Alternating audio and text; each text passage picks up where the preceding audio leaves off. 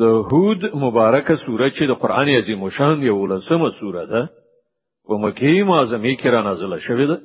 یو سلو درویشت مبارک آیاتونه لري تلاوت او پښتو ترجمه یې له درې څلوېښتم آیت څخه اوري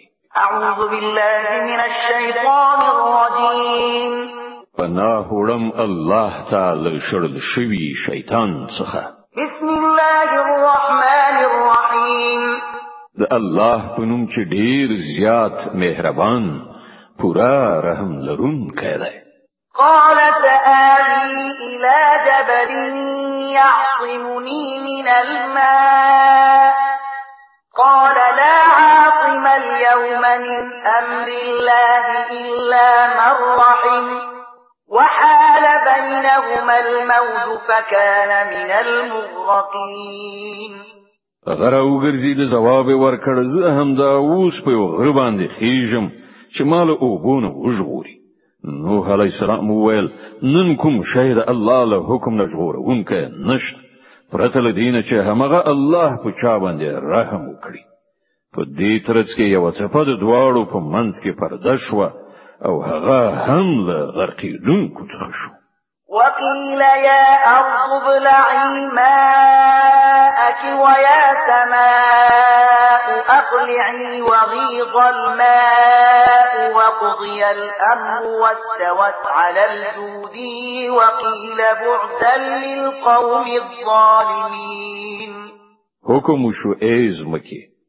خپل ټولي اوبو جذب کړه او ای اسمانه بند شه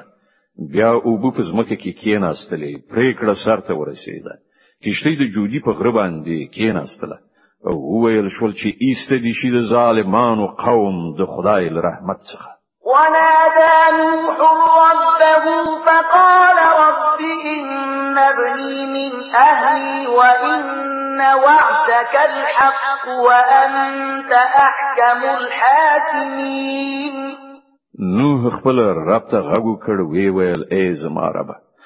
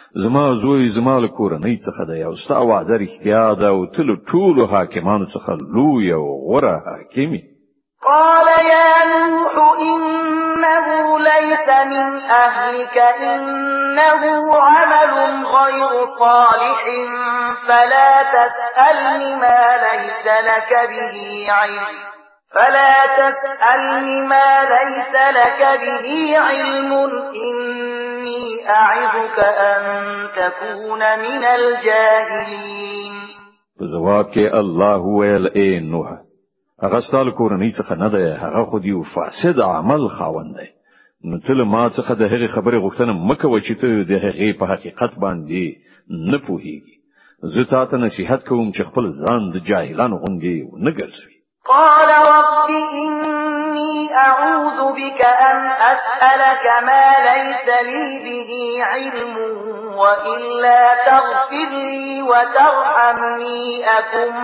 من الخاسرين نوح علیہ السلام سم د لاس عرض وکړ ای زما رب زه تا ته پناه دروړم او لدینه چې لتانه هغه څه غواړم چې زه پرې نه پوهیږم که ته ما ته بخنه و نه کړې او رحم را باندې و نه کړې نو زه به برباد شم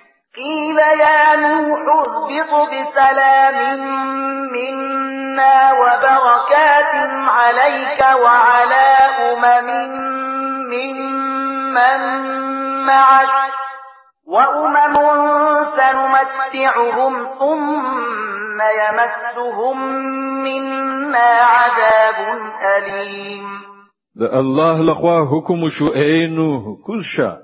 زمال لوري سلامتی او برکتونه دي پر تا باندې او پر هغو کسانو چې ست عمل ګری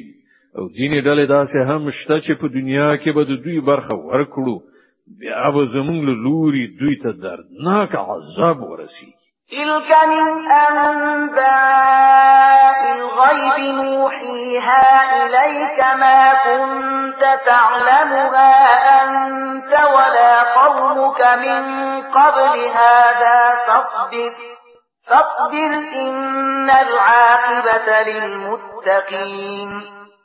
اے محمد صلی الله علیه وسلم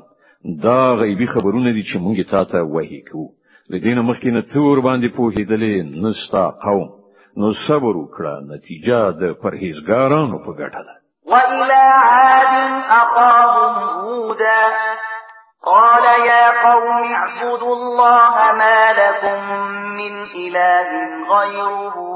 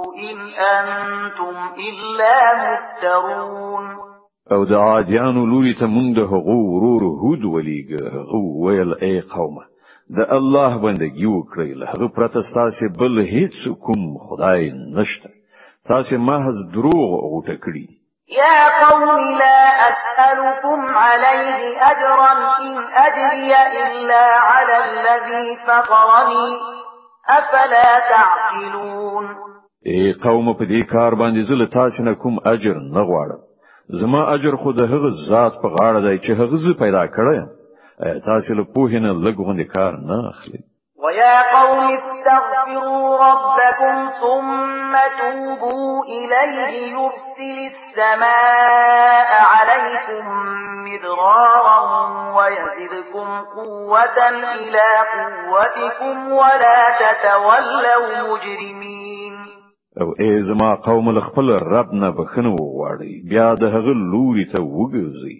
هغه به پر تاسو باندې د آسمان ورخونه پرانیزي یعنی باران راواستوي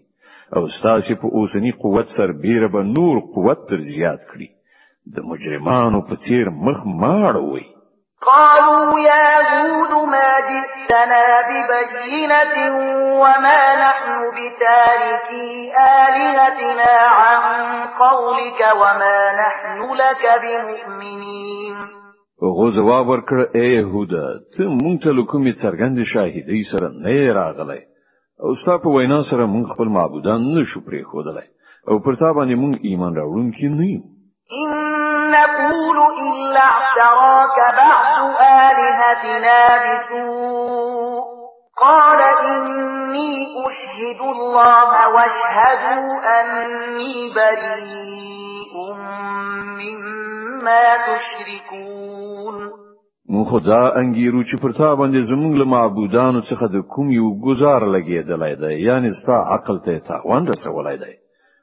هود ویل زه د الله شاهدی وړاندې کوم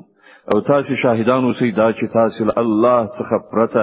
نور په خدایي کې برخوال ګڼلې دي زور څخه بیزای من دونه فکیدونی جميعا ثم لا تنظرون تاسو ټول پلاس یو کول زما پر خلاف په خپل اقدام کې لا مکوي او ماته یو زره مهلت مرا کوي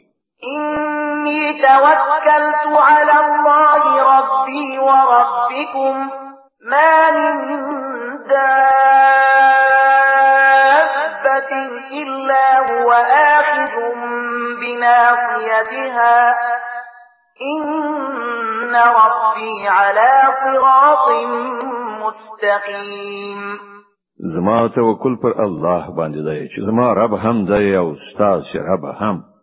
هیڅ ساکخ داسې نشته مګر دا چې د هغه چوټي یعنی د ټنډې ویختان د هغه په لاس کې نوي یعنی هغه تسلط پرې ونه لري بشک زما رب په سم لار باندې دی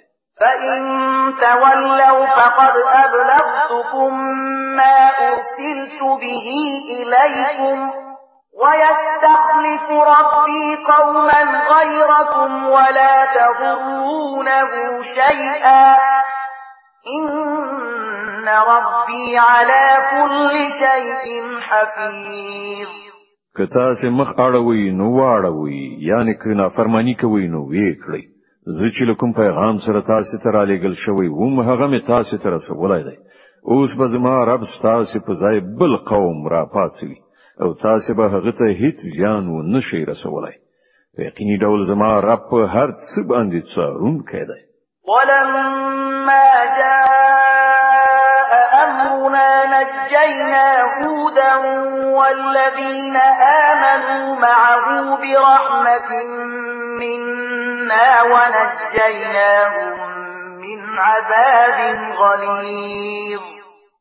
بیا کله چې زمونږ حکم راغی نو مونږ په خپل رحمت سره هود او هغه خلک چې له هغه سره ایمان راوړی وو وژغورل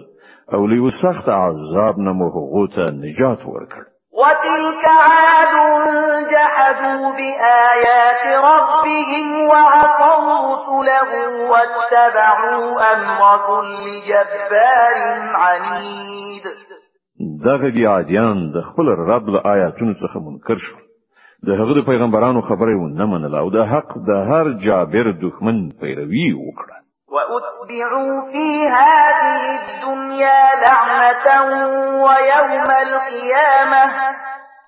الا ان عادا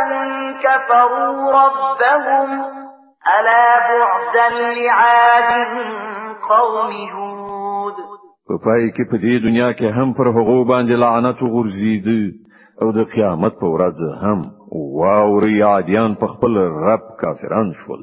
واوري لري وغورځول شول عادیان د هود قوم د الهي له رحمت څخه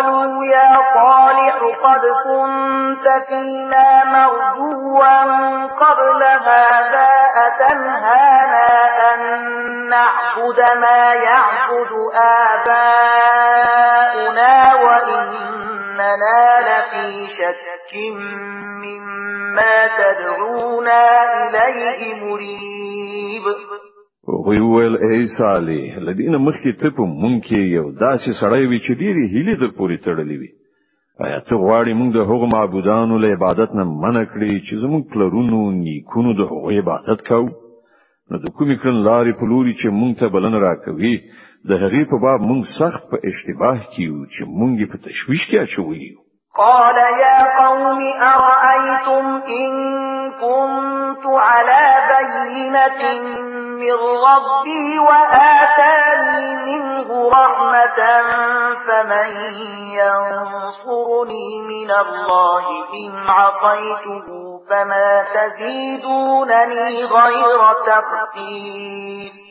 صالح ویل اے قوم تاسو په دې خبره باندې څه فکر کړی دی چې کما د خپل رب لوري او روخانه شاهدی درلودله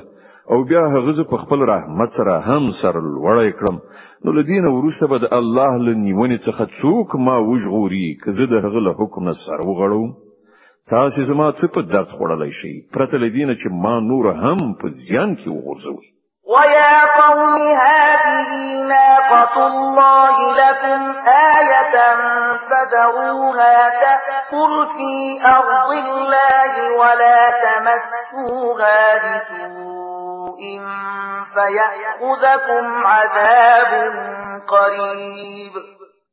او ای زما قوم وګوري دا د الله اوخه ستاسو لپاره یو نښانه ده دا د خدای په ځمکه کې د چریدو لپاره آزاد پریګ دی په دې باندې هیڅ تعرض مکوئ کنه نو څه زیات وخت به تیر نشي چې پر تاسو باندې به د خدای عذاب راشي فعقروها فقال تمتعوا في داركم ثلاثة أيام ذلك وعد غير مكتوب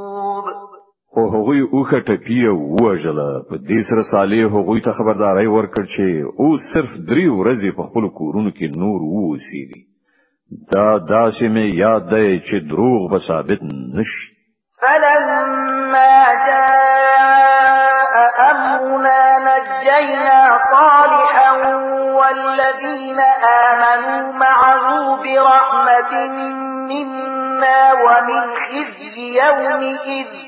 إن ربك هو القوي العزيز په پای کې چې کله زموږ د فیصلې وخت راغی نو موږ په خپل رحمت سره صالح او هغه کسان چې له هغه سره ایمان راوړی یو ژغورل او د هغې ورځې له رسوایی نه مو هغوی خوندي کړل بشکه هم دا ستار رب په اصل کې زورور او برلاسی دی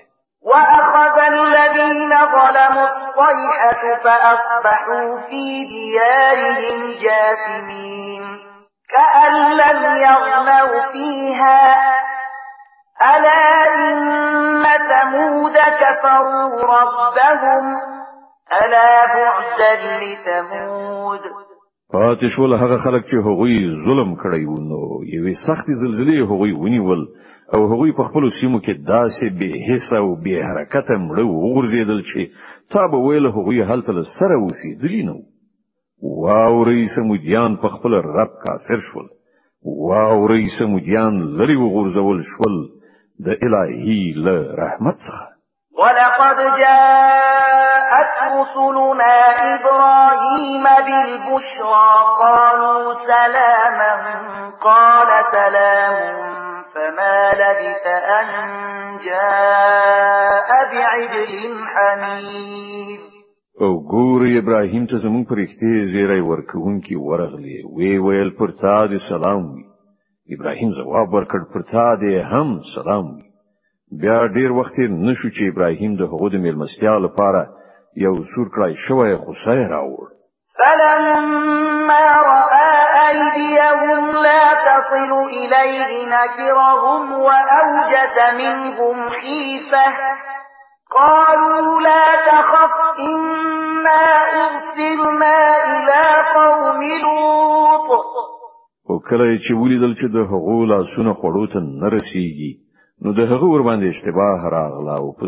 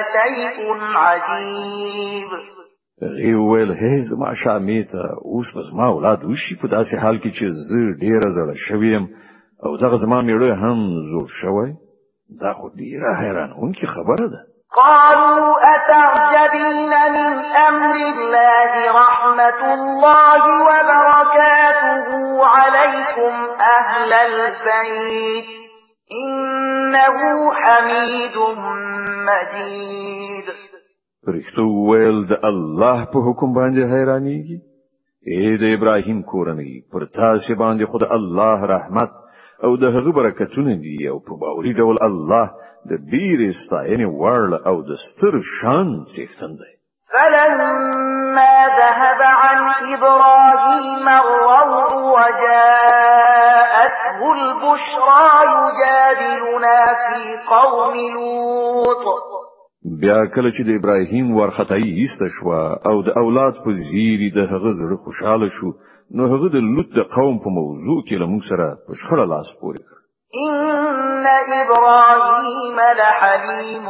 اواه منیب په حقیقت کې ابراهیم د ډیر زغم او نرم زړه خاوند او په هر حال کې زموږ لوري ته رجوع کوله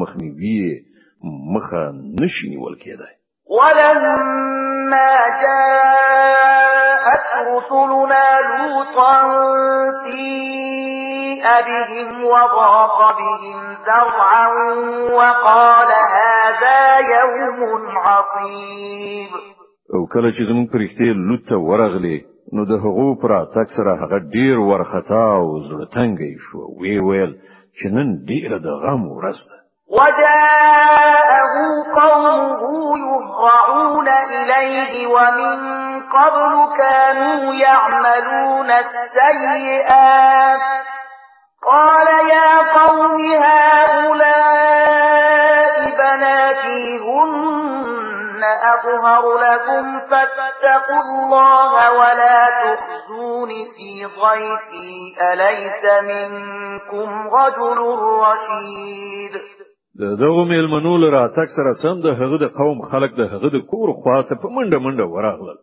له پخوانه هغوی له همدغه سبتکاریو سره عادت لوط هغو ته وویل ورونو زما دا لونی شته دوی ستاسو لپاره ډیره پاکي دي لږ له خدای وویریږي زما د میلمنو په باب ما مخې جالت کوي آیا په تاسو کې هوښیار سړی نشته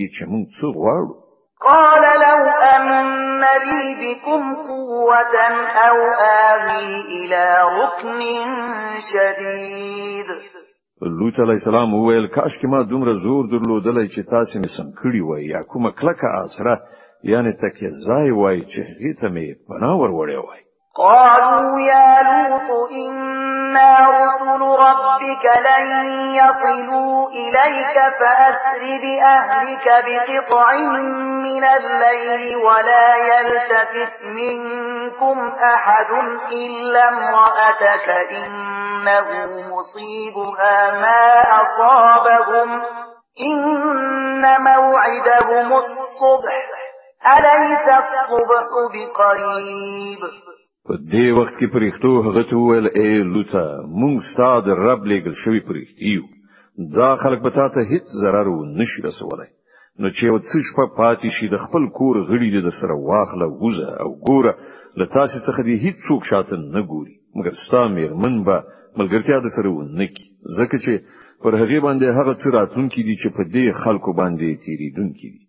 د دوی د تباهی لپاره د سهار وخت ټاکل شوی دی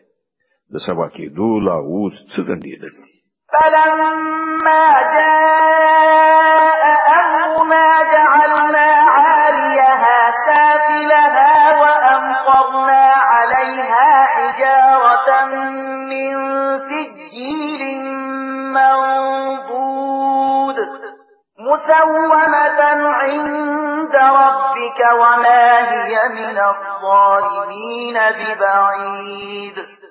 بیا کله چې زموږ د فیصلې وخت را ورسید نو موږ هغه سیمه په بل مخ نسکور کړه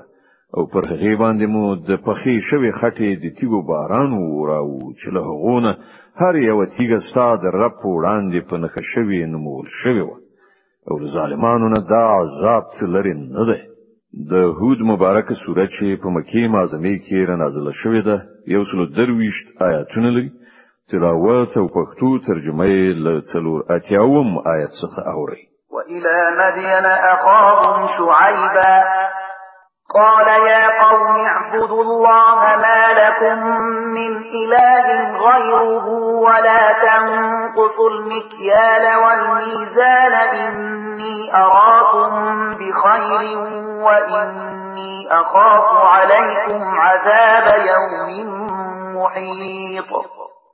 او د مدین خلکو ته مونږ د هغو ورور شعیب ولیګ هغه ویل ای زما د قوم خلکو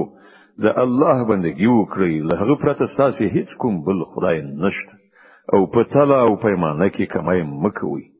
زه نن تاسو په ښه حالت کې ګورم خو زه ویریږم چې سبا به پر تاسو باندې داسې ورځ راشي چې د هغې عذاب ټول راي سار کړي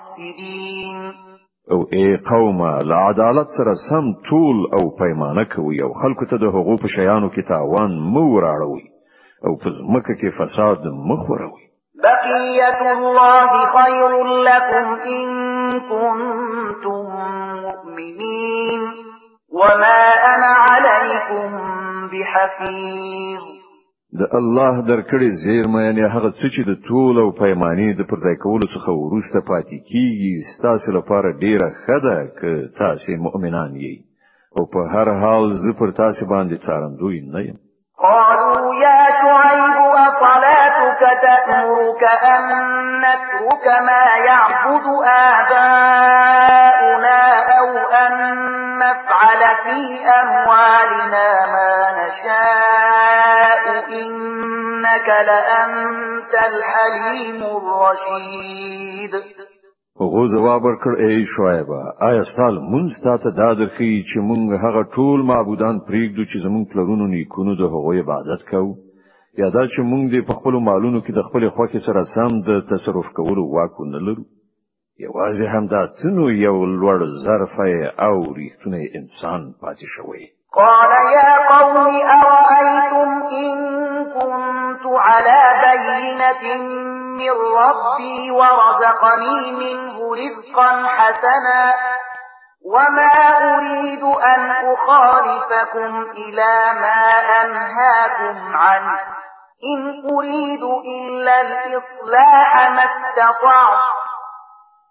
وما توفيقي إلا بالله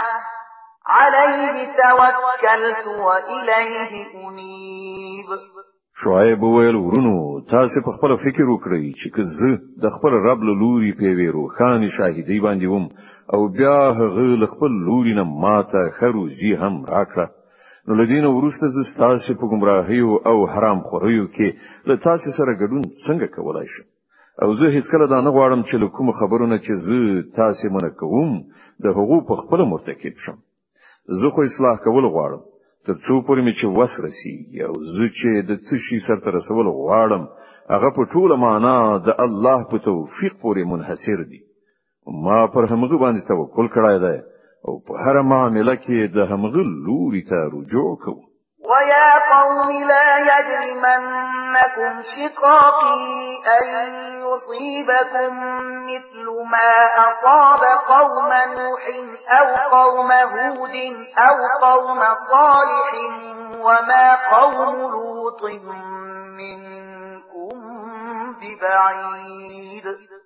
او اے قوم زما پر خلاف ستاسو دښمنی چیرته د دې وار را نولی چې په پای کې پر تاسو باندې هم همغه عذاب راشي چې د نوح یا هود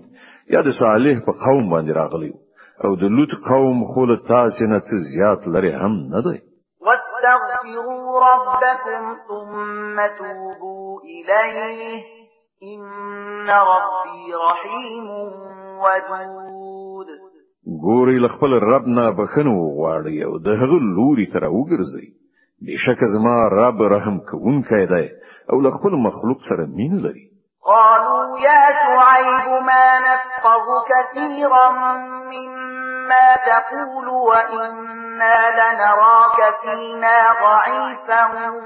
ولولا رهتك لرجمناك وما أنت علينا بعزيز غو جواب ورکړ اے شعیب ستا زیاتره خبرو باندې خو مونږ له سره پوهیږو او مونږ وینو چې ته زمونږ په منځ کې یو بې وسه انسان یې که ستا خپلوان نه وای نو مونږ به د وخته ته سنگسار کړای وای ستا مټ بازو خو دومره ندی چې پر مونږ باندې دروند وي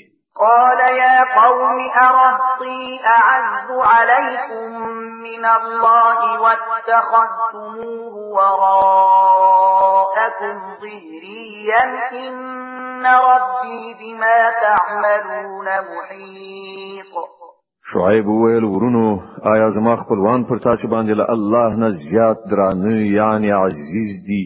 چې تاسو له خپلوانو څخه وویریږي او الله مو بیخي شاته وغورځاو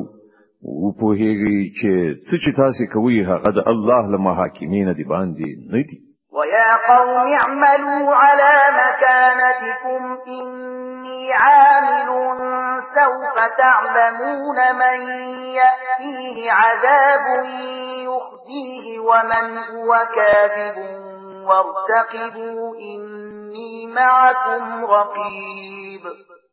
اے قومه تاسو په خپل کړن لار فعالیت کوي او زوبه په خپل کړن لار فعالیت کوم ډیر ژر به تاسو ته څرګند شي چې په چا باندې رسوا کوونکی عذاب راځي او څوک دروغجن دی تاسو هم انتظار وباسئ او زه هم د تاسو سره سترګې په لار یم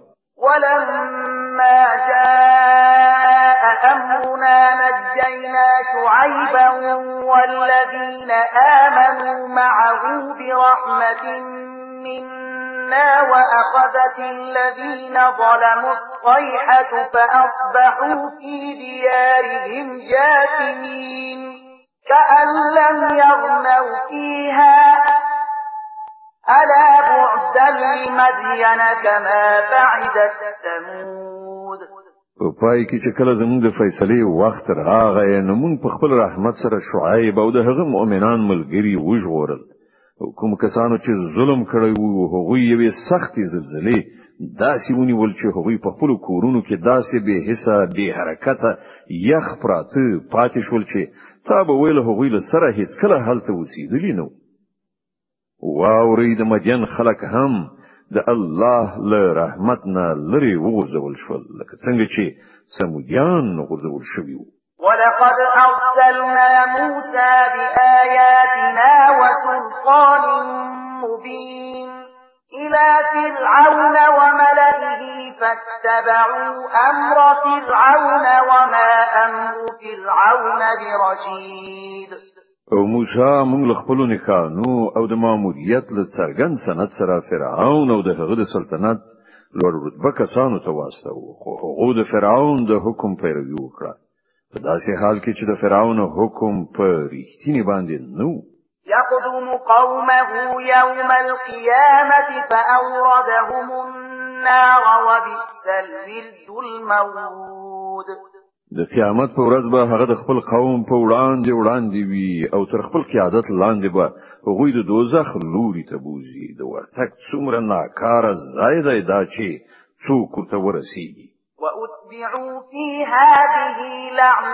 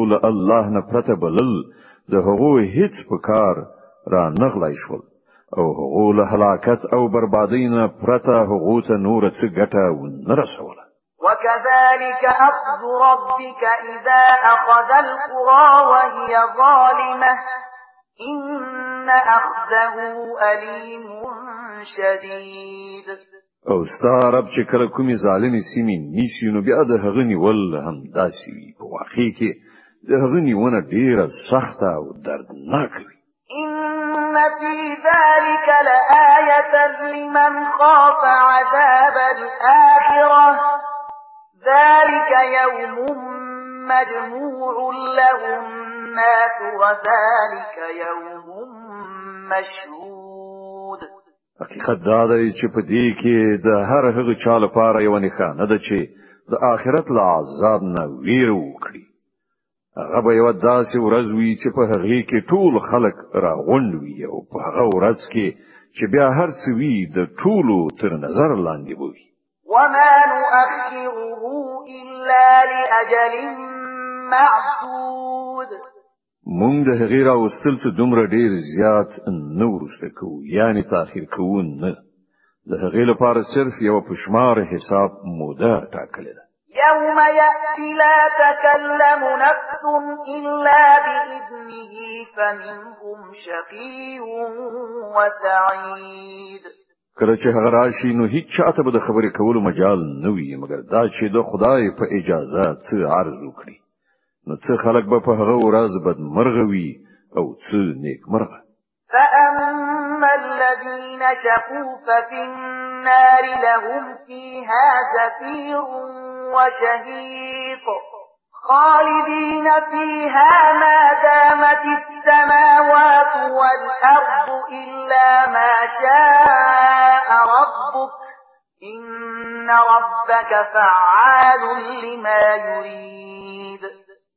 څوک چې بدمرغه وي هغوی به دوزخ ته لاړ شي چې هلته به د ګرمۍ او تندې له ډېرې سختۍ نه د هغوی ستمهار او پشهار وي او په همغه حالت کې به هغوی د تل لپاره اوسيږي تر څو پورې چې زمکه او اسمانونه ولاړ وي مګر دا چې ستا رب بل څه غواړي بشکره ستا رب بشپړ واکمن دی چې څه غواړي کوي د هود مبارکه سوره چې د قران عظیم شان یو لسمه سوره ده په مکه معظمه کې را نازله شوې ده یو سلو درویش مبارک آیاتونه لري تلاوت او پښتو ترجمه یې له یو سلو اتم آیت څخه اوري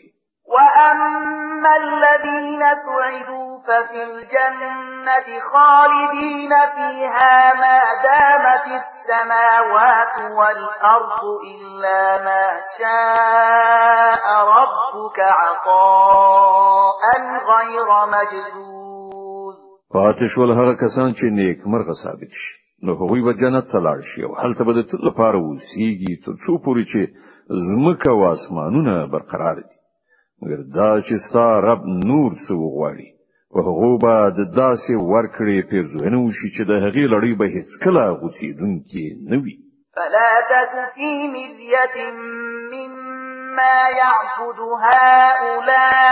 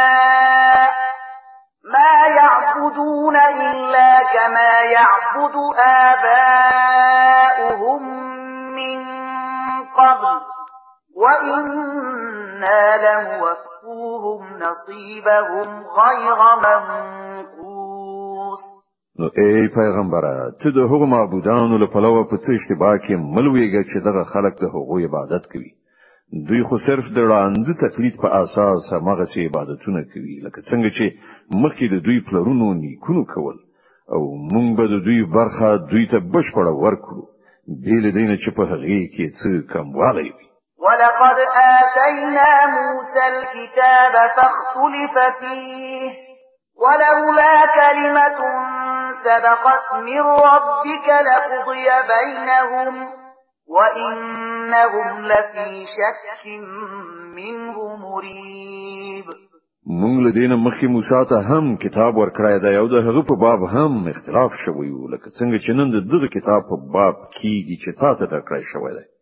که ستا د رب له لوري له پخوانه د یوې خبرې تصمیم نه وای نیول شوی د دغو اختلاف کوونکو په منځ کې به لا د مخه پریکړه شوې وه دا واقعیت دی چې دوی د هغه له پلوه په شک او اشتباه کې ویدلی دي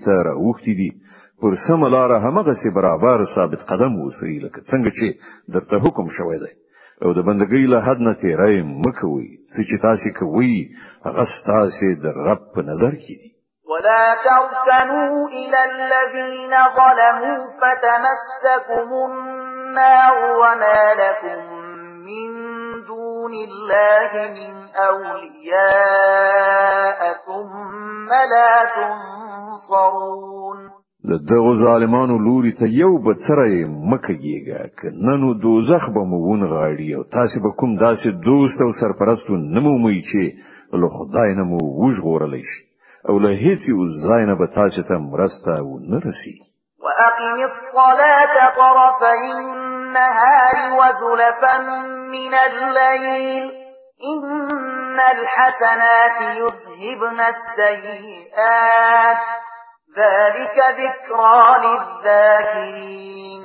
او ګور المنز د ورځې په دواړو خواو کې او څه د شپې په تیریدو کې قائم کړه په حقیقت کې نیکی بدی لمنځه وړي دا د هغو خلکو لپاره یو یادونه ده چې د خدای په یاد لرونکي دي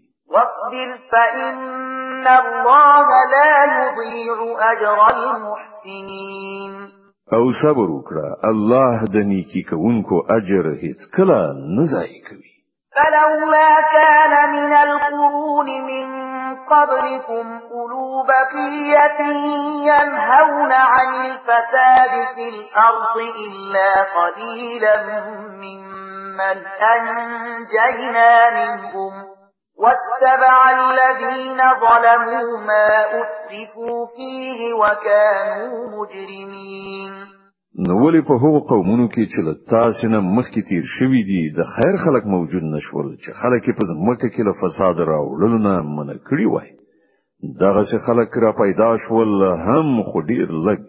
چې موږ هغوی له قومونو نه وژغورل کنن ظالمان خلک خو په همغو خوندونو پسې شول چې د هغو وسایل ورته پریمانه ورکړل شوی او هغوی مجرمانو ګرځیدل وما كان ربك ليهلك القرى بظلم وأهلها مصلحون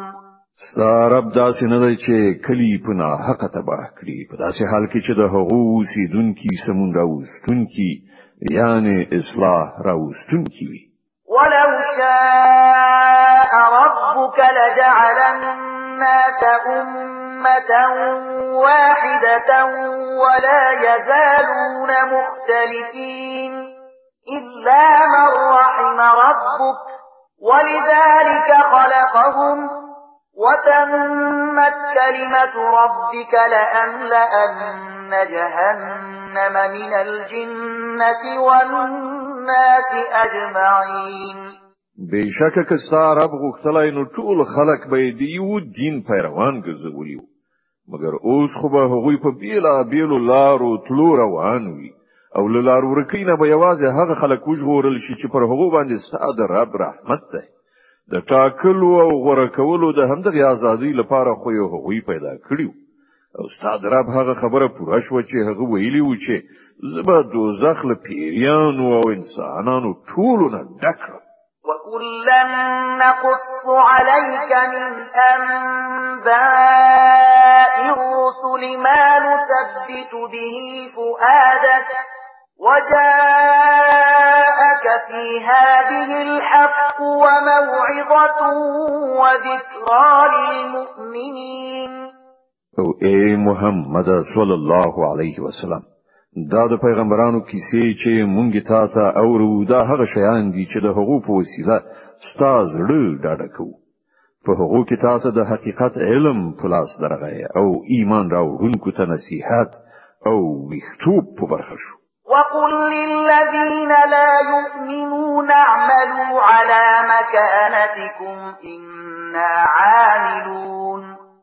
وانتظروا إنا منتظرون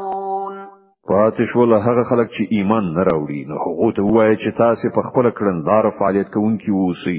او مونږ به په خپل کړندار کوو د چارو پای ته تاسو هم سترګې په لار اوسئ او مونږ هم سترګې په لارې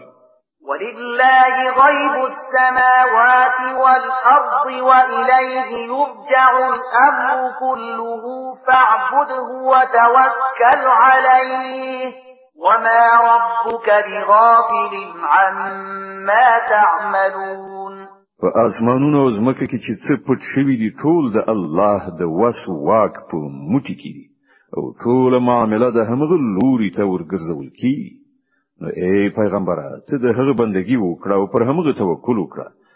چې تاسو کوي ستا رب له غونه به خبر نه دی صدق الله العظیم الله ستر رښتیا ویونکی دی